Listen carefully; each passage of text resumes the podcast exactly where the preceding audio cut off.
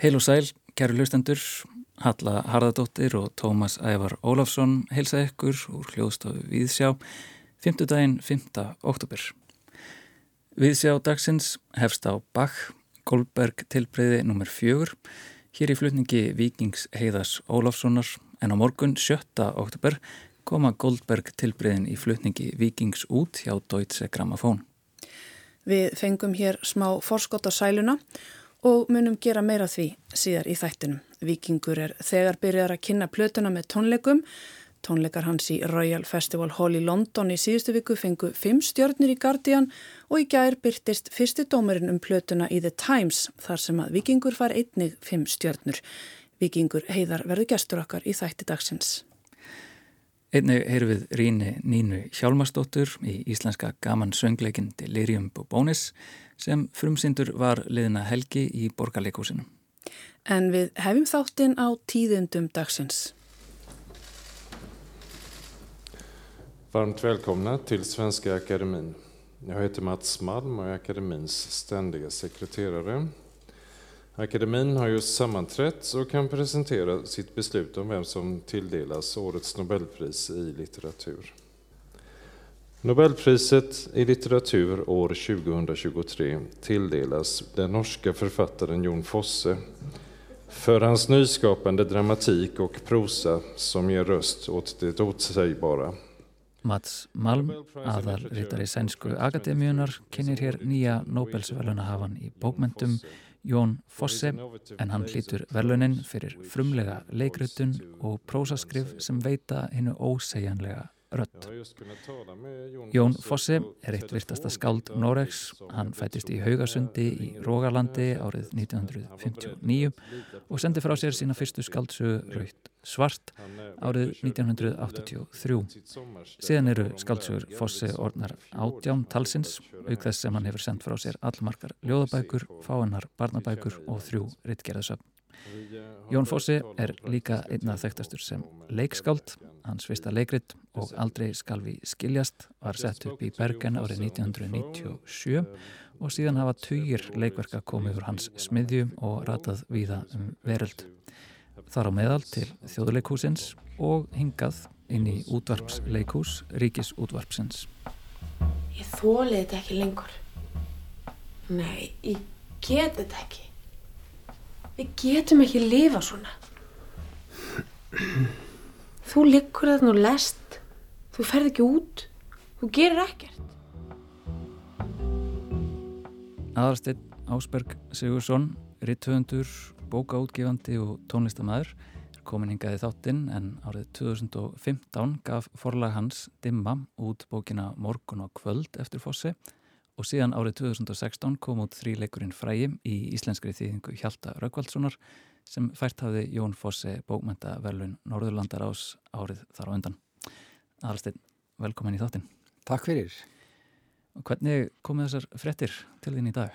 Já, það var bara þegar að þú ringdir í mig. Ég, það vildi nú svo skemmtilega til að rétt áður hafi ég verið að handfjalla sko bókakassa og hugsa, já það sérst nú sennilega ekkert af þessu, þetta er Jón Fossi, ég geiman bara hérna til hliðar á lagarnum hjá mér að því ég var að rýma fyrir nýjum bókum og svo var ég eiginlega rétt komin inn aftur og þá ringdir þú og saði mig fréttina því ég hafði ekki verið að hlusta útvarpið. Þannig að það var mjög ánægilegt. Og, og, og færðir hann þá, Fór, fórstu beint og færðir hann fremst í? Já, ég, sko, ég, ég þurfti að fara eiginlega að hlaupa aftur út og, hérna, og nú þarf ég að fara að taka til og, og senda eitthvað bókum út í búðir. Ég, sem betur fer á ég svo litið að bókum en þá þarf ég nokkur ár síðan að þessar bækur koma út og þannig að það er, það er ekki mikið til að þeim. Nei. Og eh, við byrjum kannski samt á svona, þessari stóru spurningu síðan uh, fyrir þau sem ekki þekkja til. Uh, hver er þessi nýji Nobelsvöluna hafi?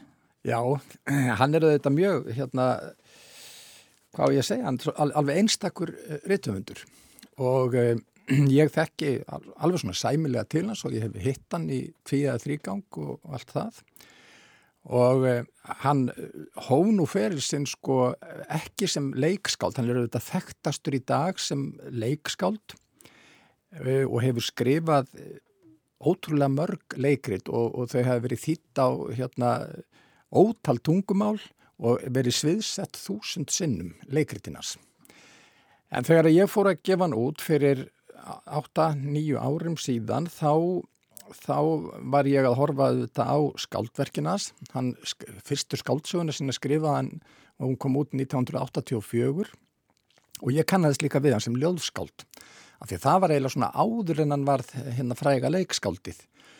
Og svo þegar að ég hitt hann og hann var, var búin að, hérna, það var þegar hann fekk velunin fyrir þríleikinn þá sagðan mér að hann var í hættur að skrifa leikrit, hann var í búin að skrifa nóg af leikritum, hann ætlaði bara að hérna, einbeita sér að, annars konar skrifum þá. Þannig að hann er, hann er mikill sérvitringur og, hérna, og hefur leift sér að vera það og, og komist upp með það getum við sagt og hann skrifar einstakann stíl. Mm. Hvernig lýsir þessi stíl? Hann er, hann er þannig, hann er, hann er mjög knappur en hann er líka endurteknikasamur og stundum maður þarf eiginlega svona svolítið að hérna bara ég vil ekki segja, leifa sér í, ró og næði að, að, svona, að, að komast inn í hugsunina sem hann er að setja fram í þessum bókum. Það eru allar mjög stuttar, þessar fimm sem ég hef gefið út, þetta eru stuttarbækur en það eru, maður getur ekki hraðlesið þær, það er erfitt. Þannig að maður þarf eiginlega svona að vera í næði til að lesa þær, en þær eru lestrar upplifun líka í leiðinni. Mm. Og það eru þá skáldsögur? Þetta eru skáldsögur og, og hérna og hann er mjög gjarn á þessar, til dæmis þessar fimm bækur sögusviðið er eiginlega það sama í Noregi.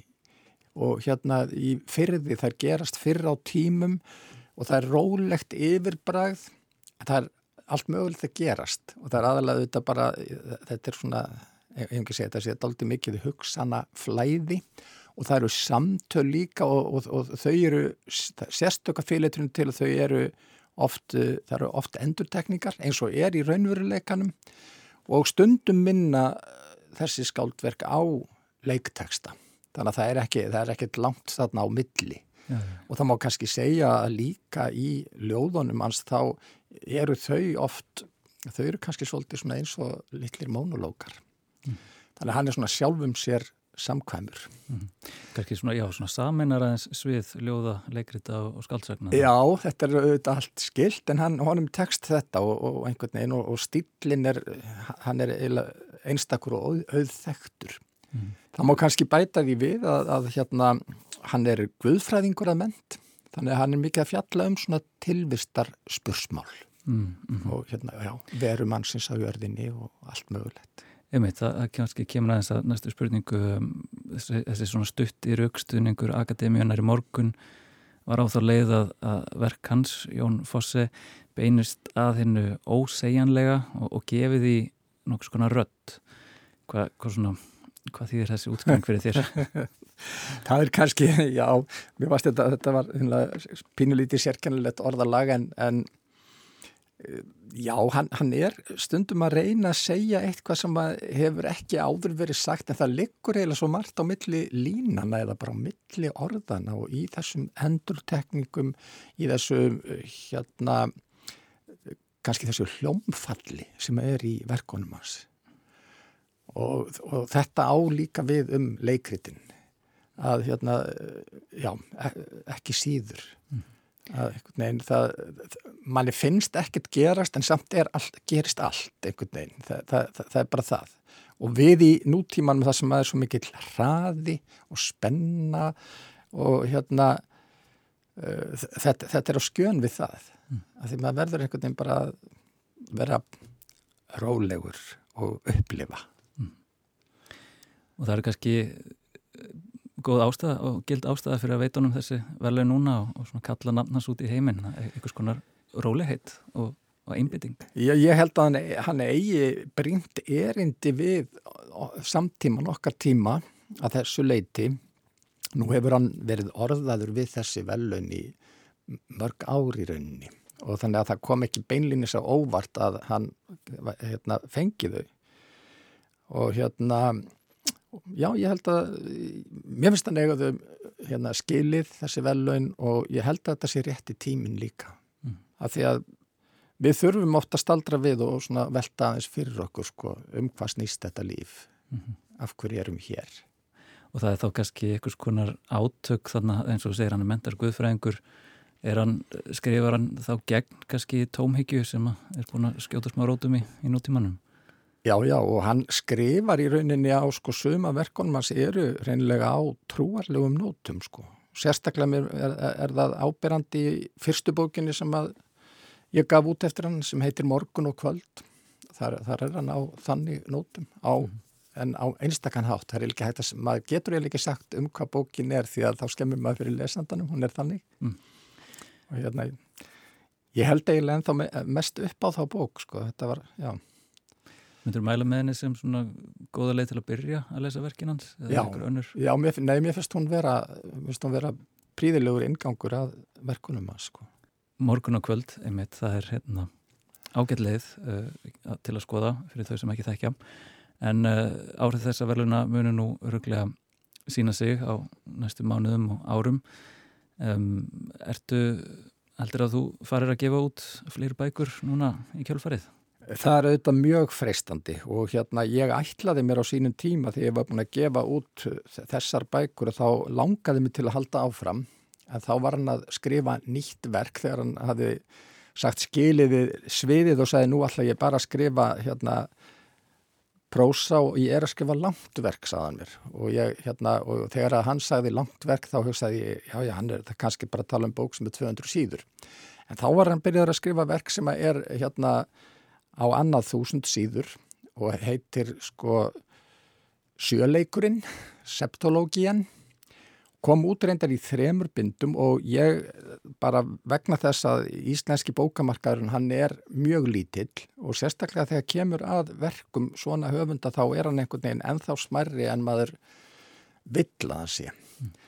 Og ég hreinlega tristi mér ekki til þess að fara út í þetta stóra verk og veldi svolítið fyrir mér en, en það er mjög fristandi núna að hugsa já ég verð nú eiginlega að leggja í sjöleikin af því að ég er búin að gefa út fimm verk eftir hann að það væri leiðilegt að einhvern veginn að setja punkt þar. Ég hef líka veld fyrir mér stittirverkum og ég eh, var að skoða bók bara núna í sömar eftir hann stutta bók sem er nýjasta bókinas og sem ég man ekki hvað heitir í byli en uh, hún kom líka til greina. Mm -hmm. og svo hefur líka staðið til að því ég hef sjálfur þýtt ljóð eftir hann.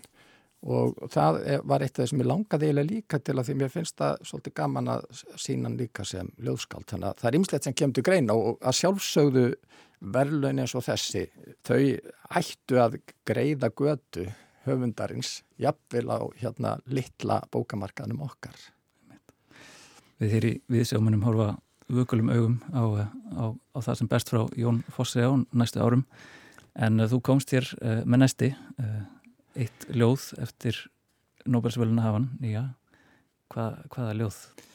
Já, það var eiginlega sjálfgefið að lesa ljóð eftir hann sem ég fýtti fyrir nokkrum árum og gaf út í bók sem heitir Nýsnæfi og ljóðið það á engar vel við fyrir mig að því að nú er ég hér sem útgefandin og, og hjá Dimmu vegna þess að ljóðið heitir Bátur í dimmu.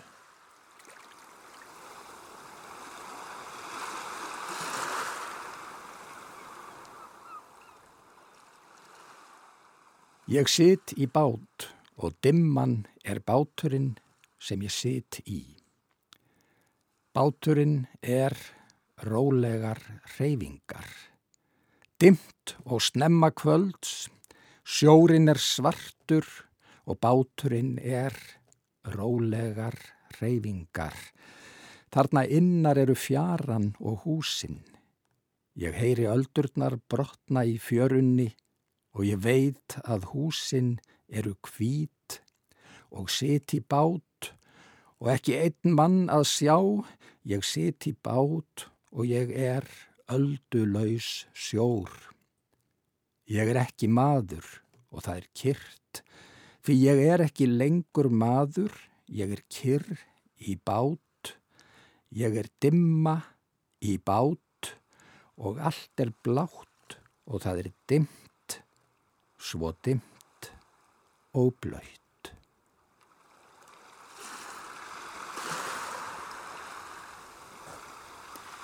Tómas rætti hér við aðalstein Ásberg Sigursson, útgefanda hjá Dimmu um nýbakaðan Nobels hafa hinn norska Jón Fosse.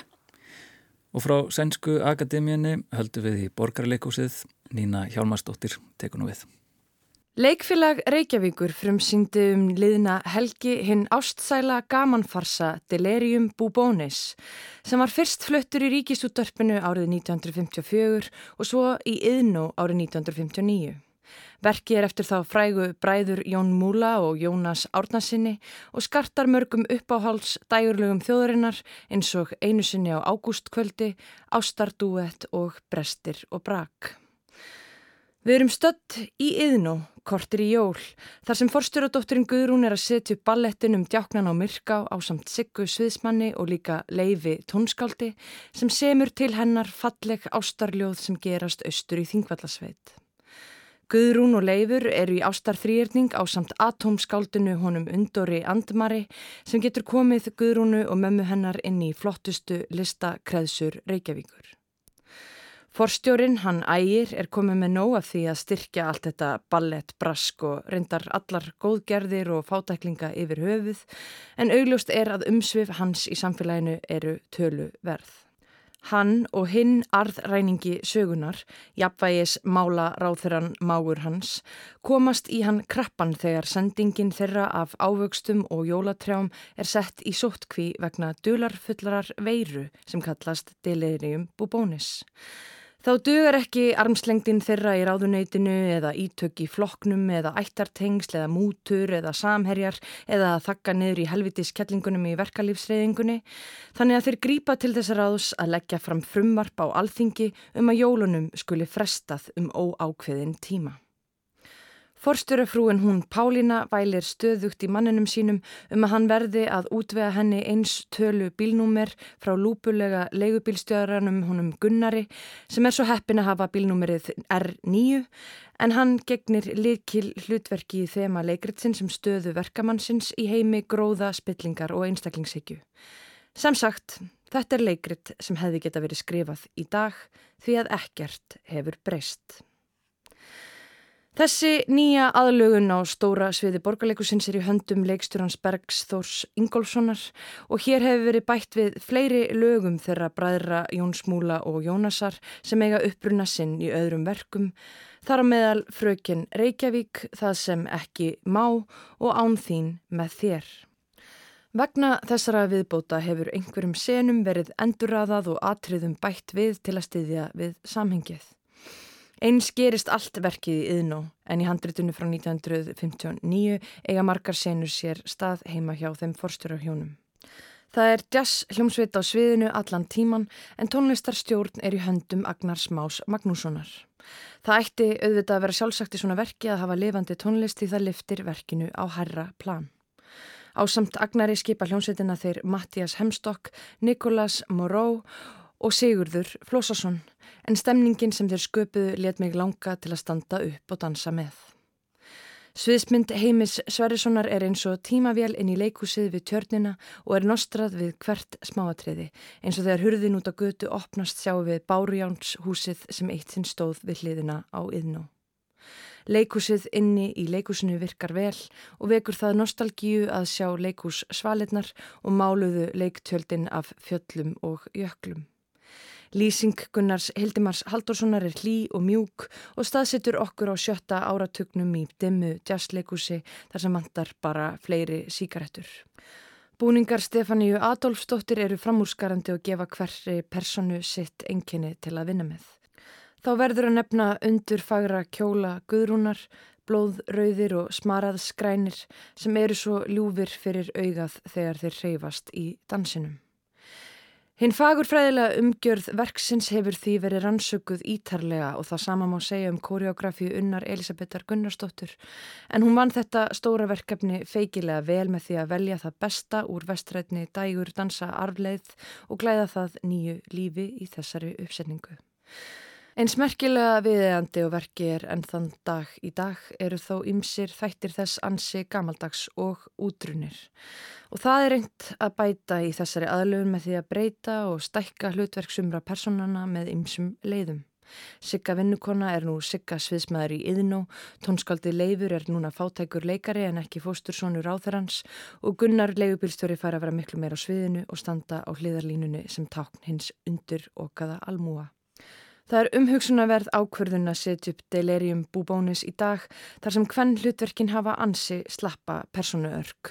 Þær eru hysterískar degurófur sem eru sífelt vælandi um að eignast eitthvað og er stöðugt þakkað niður í. Það voru nokkur augnablík sem þessi uppsending hefði geta tekið skýrari afstöðu eins og í tælingarlægi Guðrúnar með undóri þar sem hún syngur um það sem ekki má, sem er í rauninni bara lag um mörg í sambandi. Þar hefði verið hægt að gefa Guðrúnu meira vogarafl í síningunni. En þó gerir uppsetningin tilrönd til að tjúna aðeins niður í kvennfyrirlikningunni með því að sleppa eins og einni ólettu og með því að gefa leikonunum aðeins meira til að vinna með. Guðrún og Pálína fá fleiri senur og fleiri sönglög og fá aðstóð í leiktúlkun með smáum leikstjórnarlegum ákverðunum. Pálína Forsterafrú er þessi tildurófa sem lifir í allsnæktum en er aldrei sátt og þarf alltaf meira og meira. Esther Talia Casey tekur eigin nálgun á hlutverkið og er kingimögnuð í söngatriðum sínum enda ótrúleg söngkona. Tælandi augnaráð hennar er hressandi uppbróti annars þreytandi staðalýmynd af degraðri yfirstettakonu. En það er ástildur Úa Siguradóttir í hlutverki Guðrúnar sem dregur að sig mesta aðtekli áhörenda. Þetta er mjög erfitt hlutverk sæta stelpurúfan sem hugsar ekki nýja talar um annað en karlmenn. Af kynningarefni borgarleikusins má ráða að Guðrún sé aðalhutverki þó hún sé það alls ekki þrátt fyrir senu við bætur leiksturans. En það sem ástildur Úa gerir er að hún tekur sér aðalhutverkið og meitlar sig í minni áhörenda. Hún leikur hlutverki bæði einlægt og í kaltæðni á sama tíma með ógleimanlegri ratbettingu eins og þegar hún lýsir yfir af miklum ákafa það er þú sem ég elska eða þegar hún tekur stjórnina og neyðir frænda sinn ráþurann til að sinna sér. Þannig framand gerir hún hvennfyrirlitningu annara á karakternum og það virkar. Fyrir utan það að hún neglir söngin í verkinu þráttur að vera ekki lærið söngkona. Það virkar allt saman. Hún er eina af þessum leikurum sem ég mun hérna í frá alltaf hlakka til að sjá á sviði. Aðri leikarar fara líka á kostum í verkinu en það er einstaklega vel valið í hlutverkin. Valur Freyr Einarsson átti sína spretti sem hins meðjulegi ráðherra en alþingisræðan hans um kapitalíska gleði barnana til að höfða til tára kirtla kvennþjóðarinnar var óborganleg.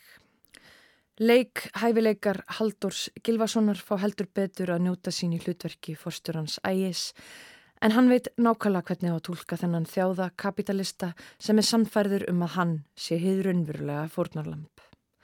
Það er ekki allir sem geta framkvæmt sama brandaran ítrekkað og uppskorið hlátrasköll í hvert skipti. Vilhelm Netto er spreng hlægilegur frá fyrsta augnabliki með tólkun sinna á Gunnari legubilstjóra en stífar og óþægilega reyfingar hans segja mikið með litlu um hans stöðu í þessu samfélagi. Nærvera hans á hliðalínunni er sífæld áminning um hvernig yfirstjættin svífst einskis við að ræna almúan allri sinni virðingu. Solveig Guðmundsdóttir í hlutverki hinnar Karlmannlegu Siggu Sviðsmanns veitir álíka viðnám við arðræningunum en hún fær sín eftirminnilegu augnablík og þó nokkur hlátrasköll. Dans Siggu Gunnars og Leifs við lægið Við viljum aukafinu var meistarlega gerður. Björn Stefánsson á stutta en góða innkomu í verkið sem einar í einiberjarunni, ný ríkur anstæðingur ægis forstjóra en hann geyslaði í ávakstasönglæginu rétt fyrir hlje, atriði sem hefur skýrskotanir til Carmen Mí Röndu og exotiseringu vestrætna kapitalista á Suður Ameríku. Skemmtilegasta persóna síningarinnar hlíti þó að vera atomskáldið Undor Andmar í tólkun Haralds Ara Stefánssonar og var það kærkomið að sjá hann takast á við hlutverk sem var ólíkt því sem hann hefur áður gert. Íslenska Karlkins skáldið sem er uppfyllt af hegóma og síndarmennsku göfugi listamadurinn með Jésu kompleksa. Hann fær einmitt að njóta sín í best skrifuðu senu verksins þegar dægurlega smiðurinn Leifur í tólkun Sigurðar Þórs Óskarssonar leikur sér að því að skopast að skáldinu og kinda undir egoi hans með kaldhæðnu skjalli sínu. Hvernig Haraldur Ari tólkaði ljóð undors fjólublá þögn var svo styrlaðslega fyndið að það er ekki hægt að setja það í orð þið verður bara að fara á síninguna. Sigurður Þór var síðan ansi sjarmirandi sem hitt ástarviðfang Guðrúnar en ótrúleg feimi hans og danshæfileikar heldu áhörundum í andköfum af hræðslu um að hann myndi slasa sig. Það er alveg óskiljanlegt hvernig þessi maður getur stokkið svona hátt eða flægt sér svona ítarlega í stól, reynlega magnað sjónarspill. Senan þar sem hann leik eftir fimm gangtegundir íslenska hestsins ætlaði gjörsanlega að fara með áhörundur sem grenjuðu af látri. Það er augljóst að leiksturinn hann Bergur Þór hefur vita nákvæmlega hvað hann var að gera með þessa leikara en þar hefur trúðatæknin stuðlað að skýrum ákverðunum í tólkun personuna. Fyrir utan að sviðsnýtingin er framúrskarandi, taktur síningarinnar er stöðugur og sem betur fer búið að stitta tekstan vel. Delirium búbónus er það sem það er, gamanleikrit og með réttri uppsetningu getur það orðið skemmtilegt og lifandi eins og hér er tilfellið.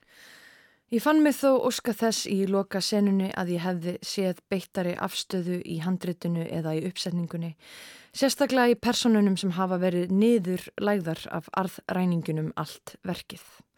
Kanski er einhver mótsögn í því að hafa farsa sem bæði afhjúpar einsta kjarna íslenska kapitalismans og spillingarinnar en á um leið að hlýja manni um hjarta rætur með ástarsögu og síkildum dægurlega smellum. Eða kannski er það einmitt viðjandi að leifa sér að hrífast með tilfinningunum og reyna að láta eins og allir séu vinir í endan og allt fari vel að lókum. Því kerfið viðheldur sér alltaf og leikúsið hefur hingað tiltekið virkan þátti að staðfesta ríkjandi struktúr. Delirium Bubónis er skemmtilt verk um græðki manna sem notfæra sér spillingu stjórnmálana sér til framdráttar og hér hefur verið bætt við skýrskotunum til nútíman sem veki upp óþægilegar minningar um hrun skýrslur eða frænd hyggli síðustu ára. En handritið er ekki djúft og verður það jafnvel nokkuð þreytandi þegar á líður með sínum staðarmyndum og klísjum. Af öllum ótal mörgum perlum íslenskrar leikritasögu sem hafa aldrei eða sjaldan verið sett upp á síðustu áratöðum, þá spila það auðvitað inn í að fyndin farsi með þessari tónlist getur selt miða og spá ég að síningunni muni ganga vel á næstu missurum. Hvað sem að fólki finnst um svona verk þá breytir það því ekki að þessi uppsetning er stórkostlega vel unnin að fa fólki með sterka listræna sín og vel þess virði að sækja og eiga kvöldstund fulla flátri, tónlist, dansi, fegurð og feiknar góðum leik.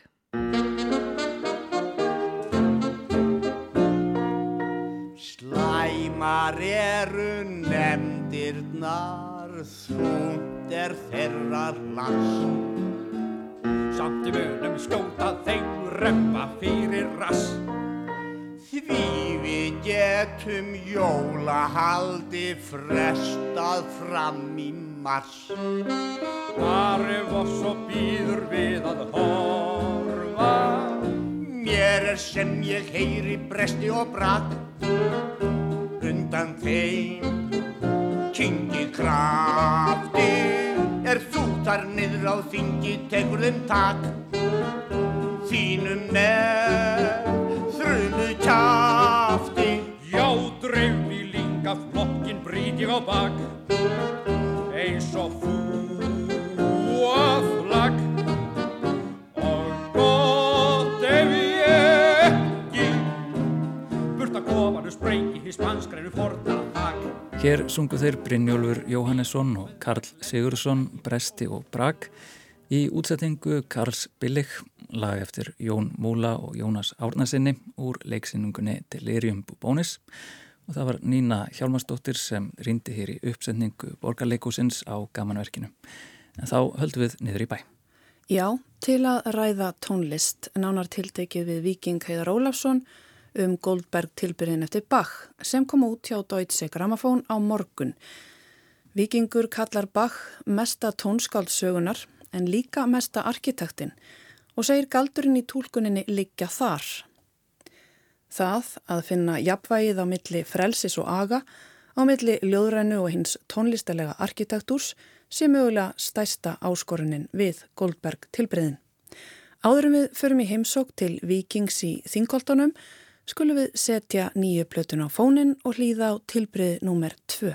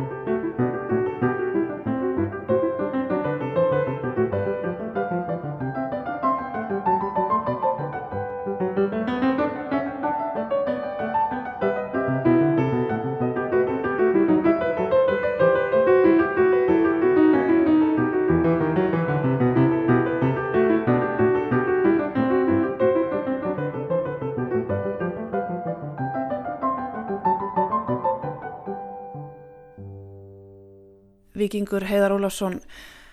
Klukkan er fjögur á miðugudegi ég kom inga gangan til að hitta því þessu fallega húsi í Þingoltinu sem að því fjölskyldan búið tímabundið í. Fann húsið að því ég heyrði pianotónana óma hérna út á götu. Platan kemur út á förstu dag þú ert með tónleika í Berlín á laugadag þú tekur við velunum ef mann rétt daginn eftir og svo hefst tónleikaferðalag. Þú eru auðvitað að fara í gegnum þetta áður. Þetta er ekki þín fyrsta plata en ég veldi því samt fyrir mér uh, hvernig þetta er hægt. Hvernig undirbýr þú þig fyrir svona törn? Við höfum inn á nokkra mínútur á milli viðtala, þú ert búin að vera í viðtölum við erlenda blagamenn frá því klóða nýjum morgun. En ég vona að við getum aðeins að rappa saman. Alveg, ég er mjög glæður að tala íslensku. Ég er búin að vera hérna að feika mig áfram á, á þýsku og ennsku í allan, allan dag. Uh, hvernig undirbyggjum maður þessi, ég veit ekki. Ég held að maður takir bara einn dag í einu. Þetta er svona eins og í, í, í fókbóltunum bara einn leikur í einu. En ég held að á stóra svona plannu þá sem maður er rauninni all lífið að undirbúa sig fyrir það að spila gólberg tilbyrðin 88 sinnum um allan heim yfir einn vetur. Það er svona svolítið óveinlegt ég er faktist byrjaðar á tónleikaferðinni, ég búið með held ég 14 tónleika, hvað er það? Svona rúmlega 15% sem þú, ég sem búin að spila svo oft sko út um allt, en þetta er samt rétt að byrja, en ég held sko að hérna, það sem ég geri núna, kannski svolítið öruvísi heldur en áður, af því að núna er ég ekki að ungur og ég var áður, eh, er að ég er aðeins að reyna að hugsa meira um svona bara líkamann og, og alla, alla, alla þann part. Mm ef maður ætlar að spila þessi tilbreyði sem eru með kannski mest krefjandi einlegsverk allavega í píjónabókmyndunum bara ég held ég geti bara sagt það svona oft og með öllum ferðalögunum og öllu hinnu álæginu þá held ég maður þurfa að vera á einhvern hátt í mjög góð líkamlegu formi og ég finna núna því að núna er ég virkilega að byggja mig upp líkamlega hvað það hefur góð áhrif á mig andlega og faktisk bara minni og alla hugsun. Þannig að þetta er núna það sem ég hef nýtt fram að færa núna. Ég hérna, svona hugsa aðeins öðruvísi um þetta allt saman. En með Goldberg-tilbyrðin og 88 tónleika þá er líka bara svo mikilvægt að maður haldi sér sko forvittnum að maður fari ekki að endur taka sig og spila þau alltaf eins og reyna að framkalla einhverja eina versjón af þeim. Því að í rauninni það sem að Bach gerir er að hann næra framkalla óendarlega margar, margar litla heima út frá hljómagangi einnar arju, þessar frægu uppáðs arju og það, maður þarf einhvern veginn að finna tilbyrðin í eigin tólkun við tilbyrði baks ef þú spilar það 88 sinnum þá þarf þú raun að spila 88 tilbyrði við Goldberg tilbyrðin bara svona út á tólkun, það mátt ekki festast í einhverju einu og ég held að þetta sé kannski eina verkið sem hægt er að gera þetta við þú veist, sem ég veit um, sem ég myndi ekki bara verða brjálaður á því að spila 88 sinnum mm -hmm. en þetta er einhver leiti bara svona áskorun og pínu konceptlistaverk að gera þetta svona oft og, og svona kanna hugmyndina um endurtækningu eða endurfæðingu mm -hmm. Það stendur á heimasíðinniðinni að þú hafir í raun beðið eftir því að taka tilbyrðinu upp í 25 ár. Af hverju núna?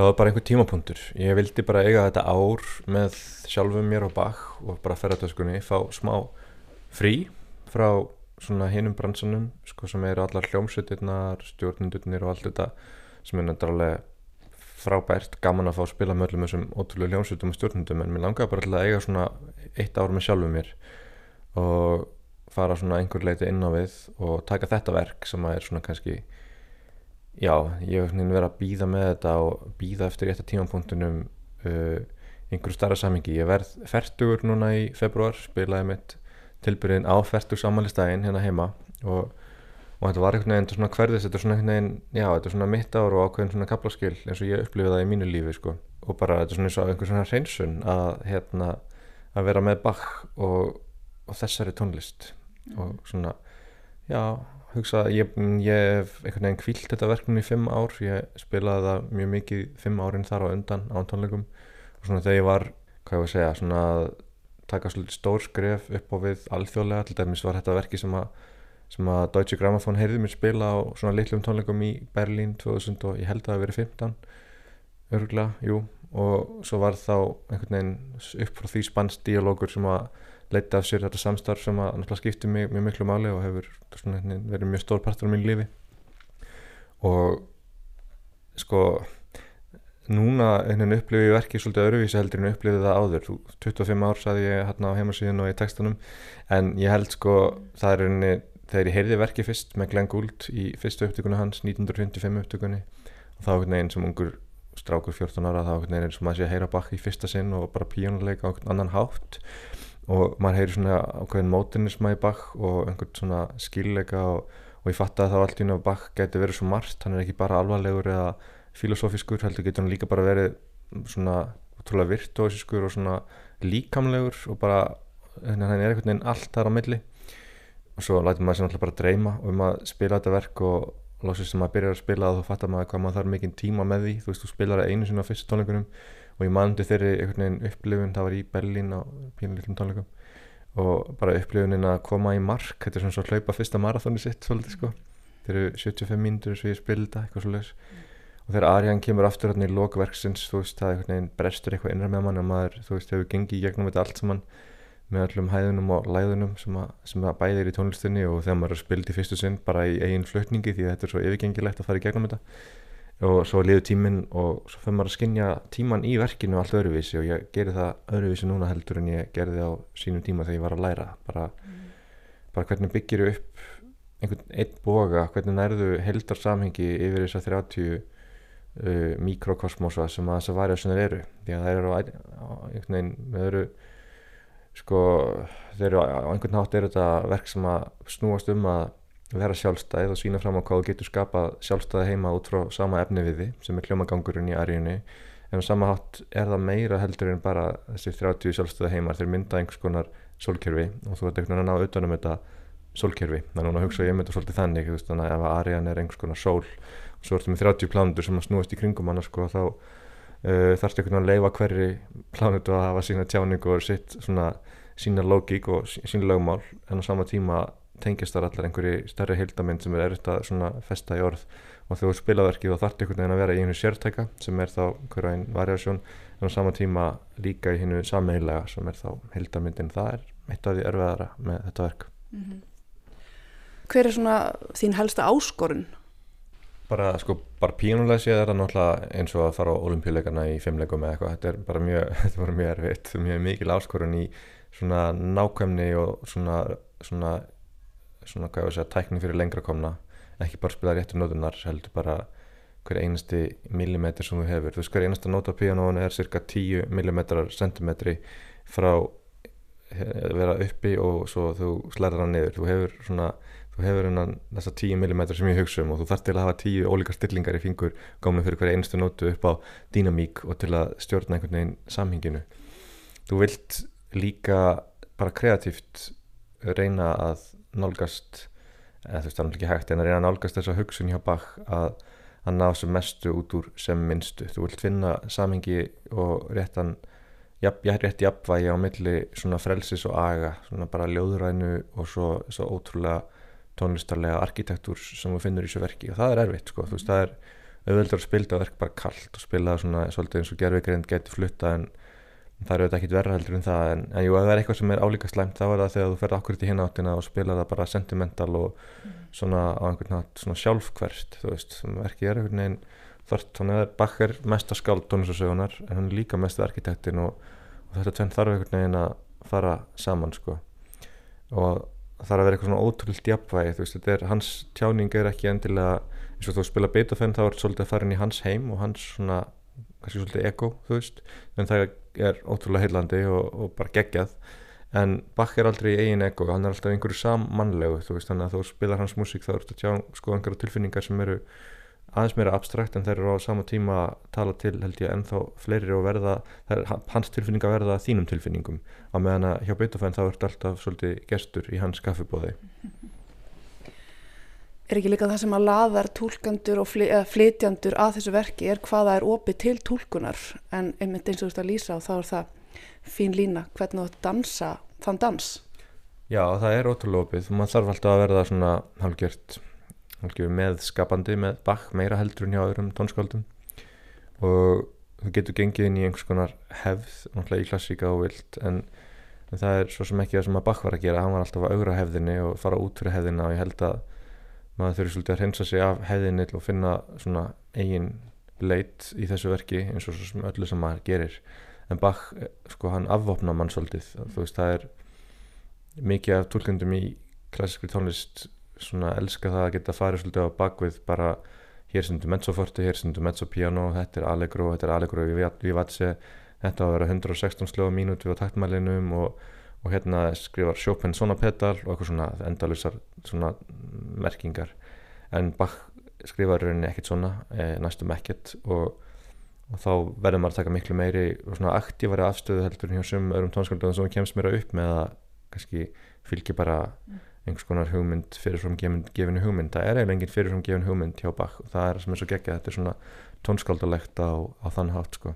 hún kemur líka alveg upp um flytjanduna þegar það vantar uh, innsæg og dýft í það og það heyrist alveg strax í Bach og það er kannski ástæðan fyrir því hvað eru margi sem að þóra valla að spila Bach á tónleikum og ótrúlega fáir stóri pianistar í dag eru að fárst við Bach á tónleikasöðinu allavega með að hann skulle vera í mínum skilningi allavega stærsta tónskáld tónlistasögunar merkilegt hvað, hvað fólk er rætt við hann og, en það er kannski að þetta tekur líka bara maður þarf að, þetta er svona áratöga baráta þú veist, ég er búin að vera að spila Bach núna sjálfur mjög mikið í svona 25 ár 20 ár alveg og ég hef breyst alveg svakalega mikið með Bach og hann hefur breytt mér. En ég hef farið svolítið öfgan á milli og, og það er bara síðustu svona kannski 6-7 ár sem mér hefur fundist ég hafa fundið mig og minn Bach og einhvern veginn fundið eitthvað svona einhvern grundvöld fyrir mig til, a, til að spila hann. Sem síðustu 10 ár myndi ég kannski segja. Mm -hmm.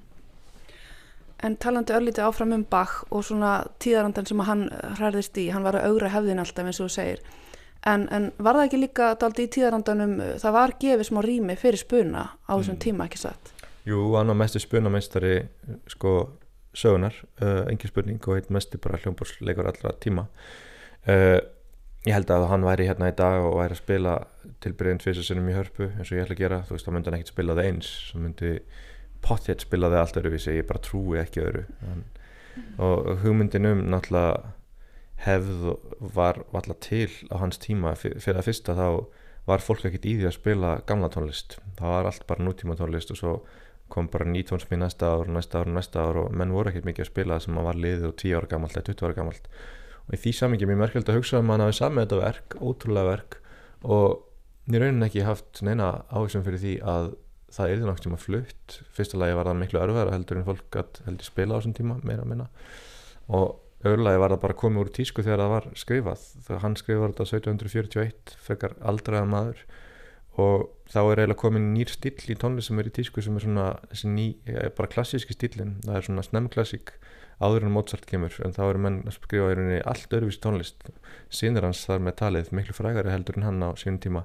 Þannig allt sem hann er að gera með þessi tilbriði og kanóna og fúkur og allir þessi svona barokkform og renaissansform það er algjörlega á leiðinni út merkilegt að skrifa svona stórkustlegasta listaverk allavega píjónabókmyndana, hljómbórsbókmyndana og ekki bara allra bókmyndana og vera á saman tíma ekki með neitt garanti fyrir því að það myndi nokk tíman einhvern veginn eiga neitt áhærendahóp það er ótrúlegt. Mm. ótrúlega auðmíkt sem hann lítur að hafa tekið hérna hjá, hjá bak að einhverju leiti fyrst mér þetta að vera svona eins og eitthvað breyf til framtíðurna sem hann setur bara í flösku og svo leitir hann því bara ekstra allan sæði.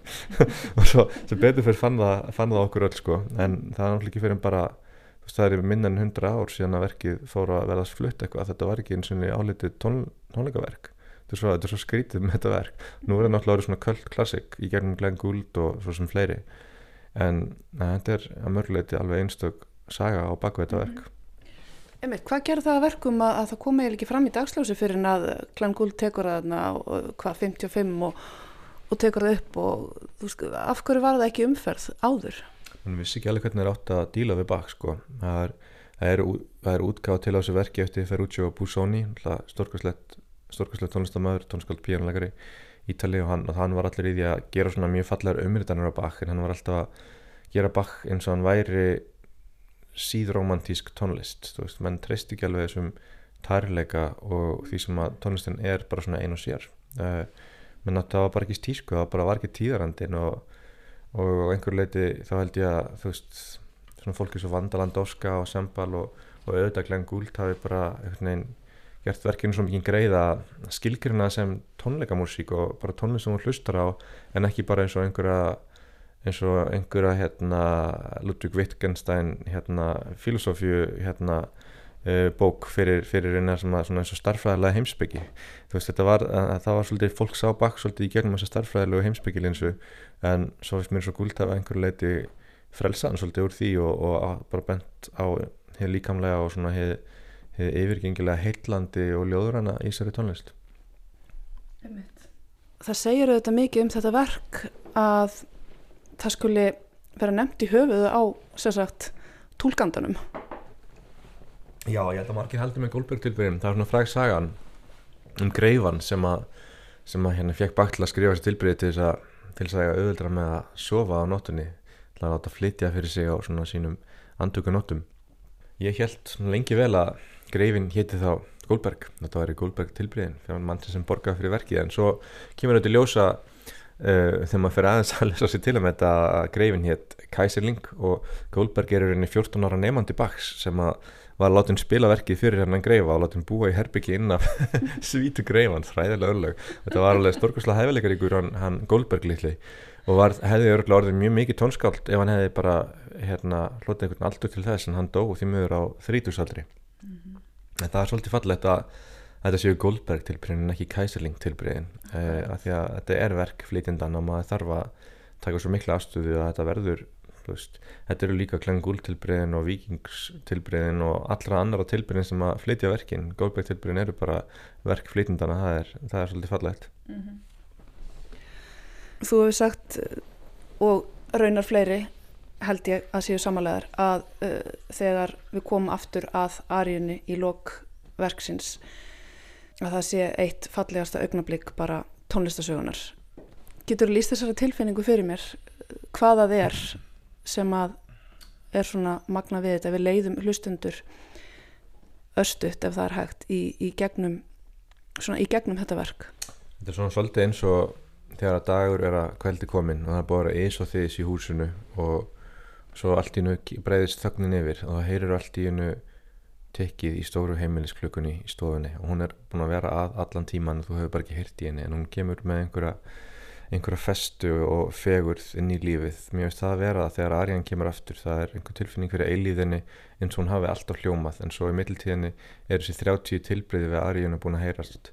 Og eins og kemur hún aftur og við heyrum hann á einhvern allt annan hátt. Þetta eru sömu nótur og í upphafi þegar Arjan hefur verkið þannig að skrifa hann bara arína út aftur og segir að maður er að spila hana en og maður spila hana og þetta eru sömu nótur en það eru bara allt aðrar, þeir fá einhverja allt aðra merkingu og það er bara, já það er bara eitt mest ekki aldur tónlistasögunar, þetta er einstaktt moment og ótrúlega tilbaka einhvern veginn hafa hugsun á því að láta fólk spila hana aftur, láta hana vera þarna því þá, að því að allt verki byggist á hljómagangi aríunar, þú færð aríuna hún er eins og óður til lífsins einhvers konar uppá ótrúlega fæðing þegar að verki hefst. Svo færðu 30 tilbriði sem að öll eru með sama DNA, hljómagang Arjunar en einhvern veginn upp úr þeim spretta sér ótrúlegu ólíku heimar svo kemur Arjan aftur og við erum einhvern veginn komin heim eins og, og hetjan í Ótisefs kveðu þú veist, þetta er einhvern veginn við, við, við komum aftur í heimahagana reynslun ríkari, kannski heilu lífslaupi ríkari og við einhvern veginn upplifum hana í annarsinn og í lokasinn sem einhvers konar endurlit yfir farinveg, mögulega yfir lífslaup og mjög sann færa manni einhvern veginn næstu því mögulega á að verða aðeins eldri en maður er þegar maður, maður í gegnum þetta verk og upplifur aðriðna aftur. Maður finnur að endalóki nálgast og það er svolítið eins og að finna endalóki nálgast á einhvern starri hvarða sko í lífinu. Og maður óttast næstu því síðustu taktana. Þetta er allt svo ótrúlega fallegt og maður vill ekki að það taki enda en það verður að taka enda og, og þögnin verður að taka við alveg eins og hún gerir í lífinu sjálfu. Þannig að þannhátt er þetta bara svona já, þetta, þetta er eitt af því sem að gera þetta þess að Ari og þetta, þetta augnableik eitthvað svo ótrúlegt. Þegar hún byrjast aftur þá er þess að hún hafi alltaf hljómað og muni alltaf hljóma